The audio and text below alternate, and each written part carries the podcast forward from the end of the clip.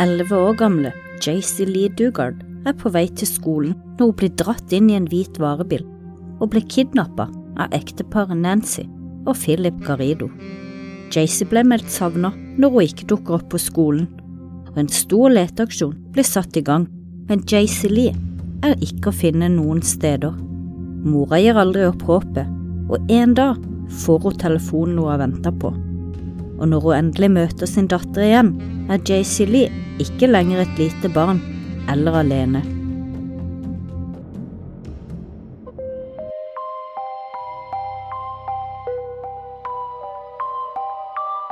Sett deg godt til rette med noe godt i koppen, og bli med oss inn i denne ukas krimhistorie.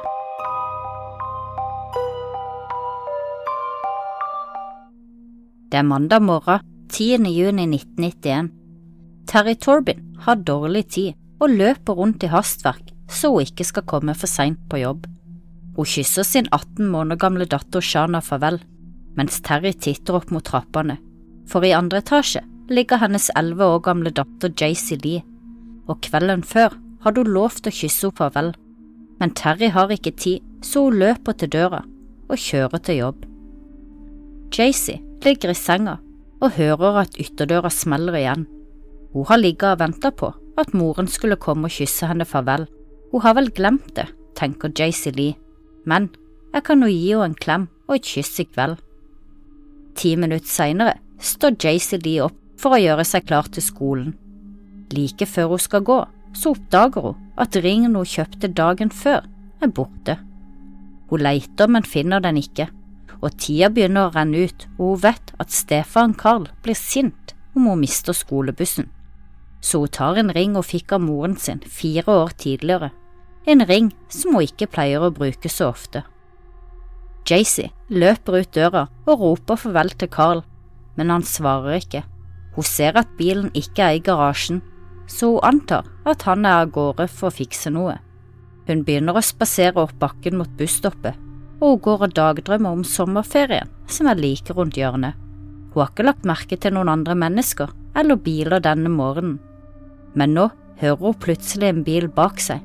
Hun snur seg rundt og ser til sin overraskelse at bilen ruller opp ved siden av henne, og før hun rekker å tenke på noe mer, så ruller en mann ned vinduet på bilen og spør om retninga på veien han skal til. Og plutselig kommer mannens hånd ut av vinduet så fort at Jaycee bare så vidt rekker å registrere at han har noe sort i hånda, før hun hører en sprakende lyd og kroppen føles paralysert. Jaycee vakler forskrekka bakover, frykten overtar alt, bortsett fra behovet for å komme seg vekk. Bildøra åpner seg, og Jaycee Lee faller i bakken. Hun forsøker å krabbe bakover på rumpa med å dra seg med armene. Hun ser noen busker langs kanten og tenker at hun vil dra seg inn i dem men Jaycee kjenner at noen drar i henne og løfter henne opp. Det er vanskelig å gjøre motstand, armene føles tunge, og hun prøver å gjøre motstand og komme seg inn i buskene, men igjen så hører hun en sprakende lyd, og kroppen blir igjen paralysert. Jaycee merker at hun tisser i buksa. Hun blir ikke flau, men hun roper nei, nei, og så blir hun dytta inn i bilen og ned på gulvet i baksetet, og bilen kjører fort av gårde. Jaycee er gjemt under et teppe, bilen er varm, og Jaycee sliter med å puste. Hun er kvalm og må spy, men av frykt så undertrykker hun følelsene så godt hun kan, før hun blir bevisstløs. Når Jaycee våkner, står bilen stille, og hun hører to stemmer, en mann og en kvinne. Og plutselig blir teppet dratt vekk fra henne, og hun blir tilbudt noe å drikke. Hun kjenner at halsen er sår, og mannen som har kidnappet henne, ler høyt mens han sier Jeg kan ikke tro at jeg klarte det. Mannen, som nettopp har kidnappet JC Lee, er Philip Garrido og hans kone Nancy. Philip Garrido ble født i april i 1951 i Pittsburgh, California. Han vokste opp i Brentwood og ble uteksaminert i 1969. Da Philip var 21 år, i 1972 ble han arrestert og sikta for seksuelle krenkelser mot ei 14 år gammel jente, men saken kom aldri for retten da jenta nekta å vitne. og ett år senere så gifta Philip seg med klassevenninna Christine Murphy. Hun har senere hevda at Philip mishandla henne, og at han kidnappa henne da hun forsøkte å forlate han. I 1976 er Philip blitt 25 år gammel, og han er nå skilt fra Christine. Han oppholder seg i Salt Lake Tower i California. Der så oppdager han 25 år gamle Katrine Callaway. Philip kidnapper Katrine og frakter henne til et varehus i Reno, Nevada, og i de neste fem timene så voldtar Philip Katrine, før de plutselig hører at det banker på døra. En politimann har lagt merke til en parkert bil utenfor varehuset, og at låsen på varehuset var brutt opp. Philip åpna døra, og da hadde Katrine klart å komme seg opp og storma mot døra og ba politimannen om hjelp.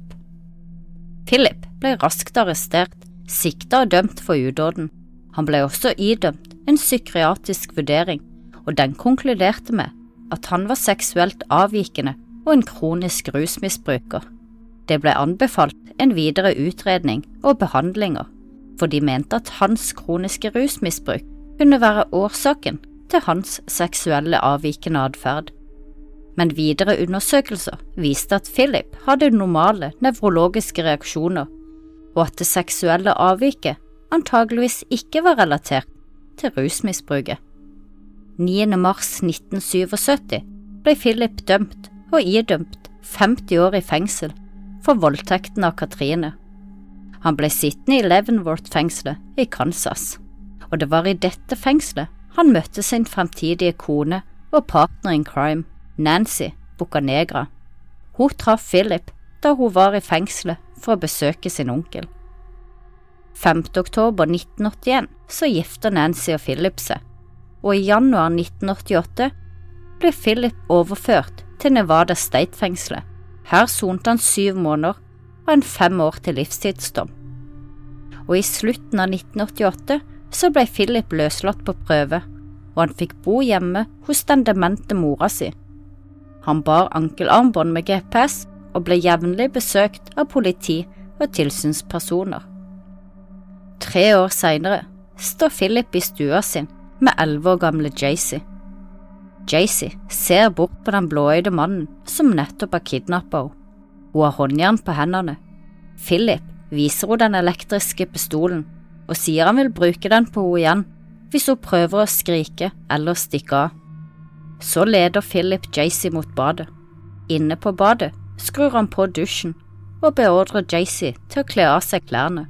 Hun prøver å nekte, men Philip hører ikke etter og drar klærne av henne. Så tar han henne med seg inn i dusjen, og etter å ha voldtatt henne, barberer han bort alle kjønnshår og håret under armene og leggene hennes. Dette er bare starten på et langt mareritt for Jaycee Lee, og de neste årene består av daglige voldtekter og mishandling, innelåst i et rom, lenka fast med håndjern. Håndjern med pels, da, for at det skulle bli mindre sårt for henne rundt håndleddet. Ikke at det hjalp Jaycee så mye, hun ble fortsatt veldig sår, og de bora seg like mye inn i håndleddet hennes. Hun fikk ei bøtte som ble brukt som toalett, hun hadde ikke lenger noe begrep om tid. Bortsett fra ei lita stripe med lys fra kanten av vinduet var det alltid mørkt. Etter hvert så forsto hun at det måtte være natt når Philip kom inn med mat til henne. Jaycee Lee tilbringer de neste ukene og månedene i det lille skuret i hagen. Philip lover henne at hun kan få en kattunge, og til Jaycee sin overraskelse så holder han løftet sitt. Men det går ikke så mange ukene før han sier at de ikke kan ha katten der likevel, siden den tisser så mye inne. Jaycee blir lei seg, men Philip sier han har ei tante som er glad i dyr, og at katten skal få bo hos henne. Igjen er Jaycee helt alene, og den eneste som besøker henne er Philip, og han voldtar hun omtrent hver eneste gang han er der. Philip bruker også mange rusmidler. Han tar amfetamin og psykadeliske stoffer, sånn at han kunne holde på i dagevis med Jaycee Lee. Da måtte hun i timevis av gangen utføre seksuelle handlinger på Philip, Året er blitt 1994. Jaycee Lee er blitt 14 år, og det er tre år siden hun ble kidnappet av Philip og hans kone Nancy. Jaycee har blitt flytta inn fra det lille rommet til et større rom, og har fått en TV sånn at hun har litt underholdning. I starten, da hun ble flytta fra skur i hagen og inn til det lille rommet, var hun alltid bundet med håndjern, men de siste månedene har hun fått gå fritt rundt. Hun har også nylig blitt introdusert til hans kone Nancy. Philip forklarer at han ønsker at de skal være gode venner, og at Nancy kommer til å bringe henne maten fremover. Det blir et kort møte mellom Jaycee og Nancy, og deretter hadde Philip forklart Jaycee at Nancy var litt sjalu, men at hun kom til å like Jaycee med tida om hun bare oppførte seg. Jaycee Lee var sjokkert over at Nancy var kona til Philip, og at hun hadde tillatt kidnapping. Philip forklarte videre at Nancy ikke var så glad i sex, og at det var Jaycee sin jobb å avlaste Nancy med dette. De kjøpte også en Nintendo til Jaycee, og en dag så kjøpte Nancy en myk, lilla bamse til henne. Philip fortalte at han forsøkte å overtale Nancy til å ha sex med dem, og han sa at han ville se Jaycee ha sex med hundene hans. Jaycee er 14 år når hun første gang blir gravid. Philip virker glad, og Jaycee forberedte seg på morsrollen ved å se så mange babyprogram hun kunne på TLC. Jaycee var helt avhengig av sine kidnappere for å overleve. Dagen før Jaycee føder, kommer Philip inn og henter henne, og sier at de må forlate huset, han har hørt at det er en razzia på vei. Jaycee føler seg sliten, men hun har ikke noe annet valg enn å adlyde sine kidnappere. Hun blir lagt under et teppe på gulvet i bilen, og etter en lang kjøretur parkerer de ved et hus. Neste dag så forlater Nancy og Philip Jaycee helt alene. Men hun blir redd, og hun vil ikke at de skal dra fra henne. De forsikrer henne om at de bare skal sjekke at hjemmet er klarert, sånn at de kan reise tilbake. De låser døra og går, men Jaycee forsøker ikke å rømme. I stedet er hun redd for at det skal komme noen fremmede, før Nancy og Philip rekker å komme tilbake. Samme kvelden reiser de tilbake til huset, og Jaycee sin fødsel er i gang. Den varer i mange timer og 18. august 1994 klokka ett på natta kommer Jaycee Lee sin første datter til verden. Mens Jaycee var gravid, så tvang ikke Philip og Nancy henne til sex, med unntak av én gang, men så fort barnet ble født, ble hun igjen Philip sin sexslave, og Nancy henta ofte babyen og lata som den var sin egen. 13. november 1997 er Jaycee Lee blitt 17 år gammel, og klokka to om natta føder hun sin andre datter. De neste årene er JC Lee helt underlagt sine kidnappere og utvikler en slags trygghet hos dem. Philip har skremt henne i så mange år med hva som vil skje om hun noen gang røper noe som helst eller gjør noe feil, at frykten sitter dypt i henne. Hun er livredd for at noe skal skje med døtrene sine, hun gjør så godt hun kan med det hun har, mens hun adlyder sine kidnappere etter beste evne. Mora til Philip bor også i huset. Hun tror Jaycee Lee heter Alissa og er en hushjelp. Døtrene tar Philip med seg ut og rundt forbi og kaller de for slektninger. De vet ikke at moren er kidnappa og situasjonen de er i, men de vet at ingen må vite at de bor der, eller at han er deres far. Ettersom årene går, blir Philip mer og mer opphengt i religion, barna vokser, og Jaycee Lee er nå blitt en ung kvinne. Det er blitt august 2009. Jaycee er blitt 29 år gammel og har nå vært kidnappa i 18 år. En dag i august kommer Nancy stormende ut i bakhagen og forteller Jaycee at Philip har blitt arrestert. De aner ikke hva som har skjedd, men noen timer senere kommer han likevel tilbake. De ser at politiet tar av ham håndjernet og ber han møte opp på stasjonen og melde seg i morgen tidlig. De hadde oppdaga at det bodde barn i huset til Philip, og siden han hadde en tidligere dom på seg, ville de ha en prat med han.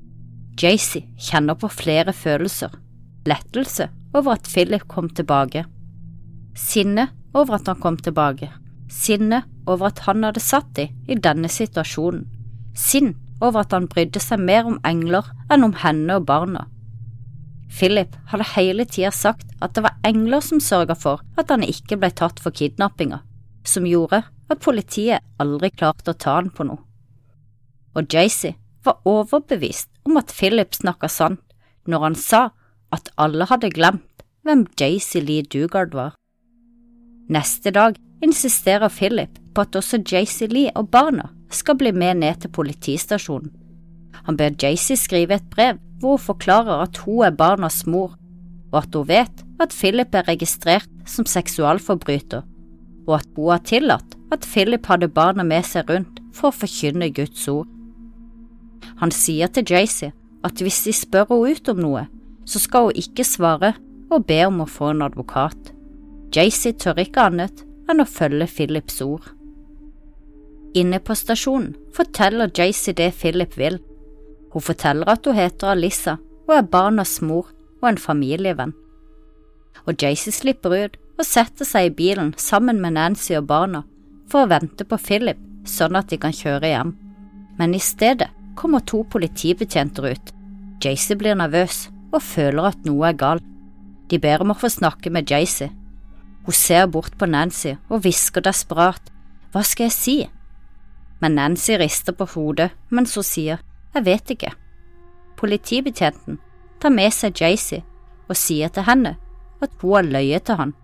Han forteller at Philip har sagt at Jaycee ikke er mora til disse to barna, sånn som hun har forklart, men at de alle tre er Philips sin brors døtre. Jaycee kjenner at hun får panikk. Hun er så trent til å forklare at hun er en fremmed, at selv om hun er så nærme å ta livet sitt tilbake, så er frykten mye større. Desperat prøver hun å overbevise politiet om at Philip lyver for å beskytte henne, at hun egentlig har flykta fra en voldelig ektemann, og at hun bor i skjul hos Philip og Nancy. Men politiet gir seg ikke og tar Jaycee med inn for å ta fingeravtrykk, sånn at de kan finne ut hvem hun er. Jaycee er kjemperedd, men hun tør ikke si hvem hun er. Hun bekymrer seg for jentene som nå har blitt skilt fra henne og ført inn på et eget rom. En politikvinne kommer inn i rommet og betrygger Jaycee med at hun snart skal få se sine døtre, men at de først trenger navnet hos sitt. Flere ganger gjentar Jaycee at hun ikke kan si hva hun heter, og hun ber om å få snakke med en advokat. Så forlater politikvinnen Jaycee alene i det som føles som en lang stund. Når hun kommer tilbake, ser hun på Jaycee og sier at Philip har innrømmet og har kidnappet henne mange år tidligere og spør igjen hva hun heter. Jaycee kjente en underlig følelse i kroppen. Det var som om hun hadde venta på dette spørsmålet. Jeg var elleve år da jeg ble kidnappa. Jeg er 29 år nå, svarte hun til den sjokkerte politikvinna. Igjen ble hun spurt om navnet. Jaycee ber om penn og papir, mens hun sier at hun ikke mener å være vanskelig. Men jeg klarer ikke å si det, jeg har ikke sagt navnet mitt på 18 år. Jaycee får en lapp, og med skjelvende hender skriver hun ned Jaycee Lee Dugard. I det øyeblikket følte Jaycee Lee at en trolldom ble brutt, at hun var fri, men også ekstremt utslitt og fullstendig i live, alt på en gang. Og kort etter blir Jaycee gjenforent med døtrene sine, og hun har allerede bedt om å få treffe sin mor og har fått beskjed om at mora ennå lever. En kort tid senere sitter Jaycee sammen med to politibetjenter og en telefon. De skal ringe mora og fortelle at hun er funnet. De ringer, og Jaycee Lee har tusen tanker som farer gjennom hodet. Hun har fått bekreftet at mora ikke lenger er gift med stefaren Carl, noe Jaycee var lett over å høre. Politiet ringer morens arbeidsplass og får tak i henne og så fort Jaycee hører morens stemme, blir hun overveldet av følelser. Jaycee sier høyt, Jeg har fått babyer, kom fort. Et skrik høres i andre enden, etterfulgt av et høyt, Min datter har blitt funnet. Det er vanskelig å forestille seg den følelsen mora har hatt og følt det øyeblikket hun hører sin datters stemme, etter 18 år i stillhet og uvisshet. Det ble et sterkt møte mellom mor og datter, som tok imot både henne og barnebarna med åpne armer. Mora forteller hvordan hun ofte har sett på månen og snakka til den, spurt den hvor er min datter, og sagt til månen at hun elsker sin datter. Jaycee hadde sett forundra på moren og fortalt at hun gjorde akkurat det samme. Hun så på månen mens hun snurra på ringen hun hadde fått av mora, ringen som hun sjelden gikk med, men som hun hadde tatt på seg den morgenen hun ble kidnappa. I juni 2011 ble Philip Garrido dømt til 431 år til livstid i fengsel. Nancy ble dømt til 36 år til livstid. JC Lee og døtrene lever i dag et tilbaketrukket og fint liv, men det tok tid for de alle å tilpasse seg livet i frihet. Døtrene lærte hva som hadde skjedd med mora, og hvilket monster deres far virkelig var. Og JC Lee, som bare var elleve år gammel da hun ble kidnappa, hadde gått glipp av nesten hele barndommen, samt vært utsatt for et enormt traume i 18 år. Men med god støtte fra familien har de klart seg utmerka og nyter livet i frihet. Da var denne historien ferdig, og i morgen så kommer del to av Krimprat med Lise og Fiona.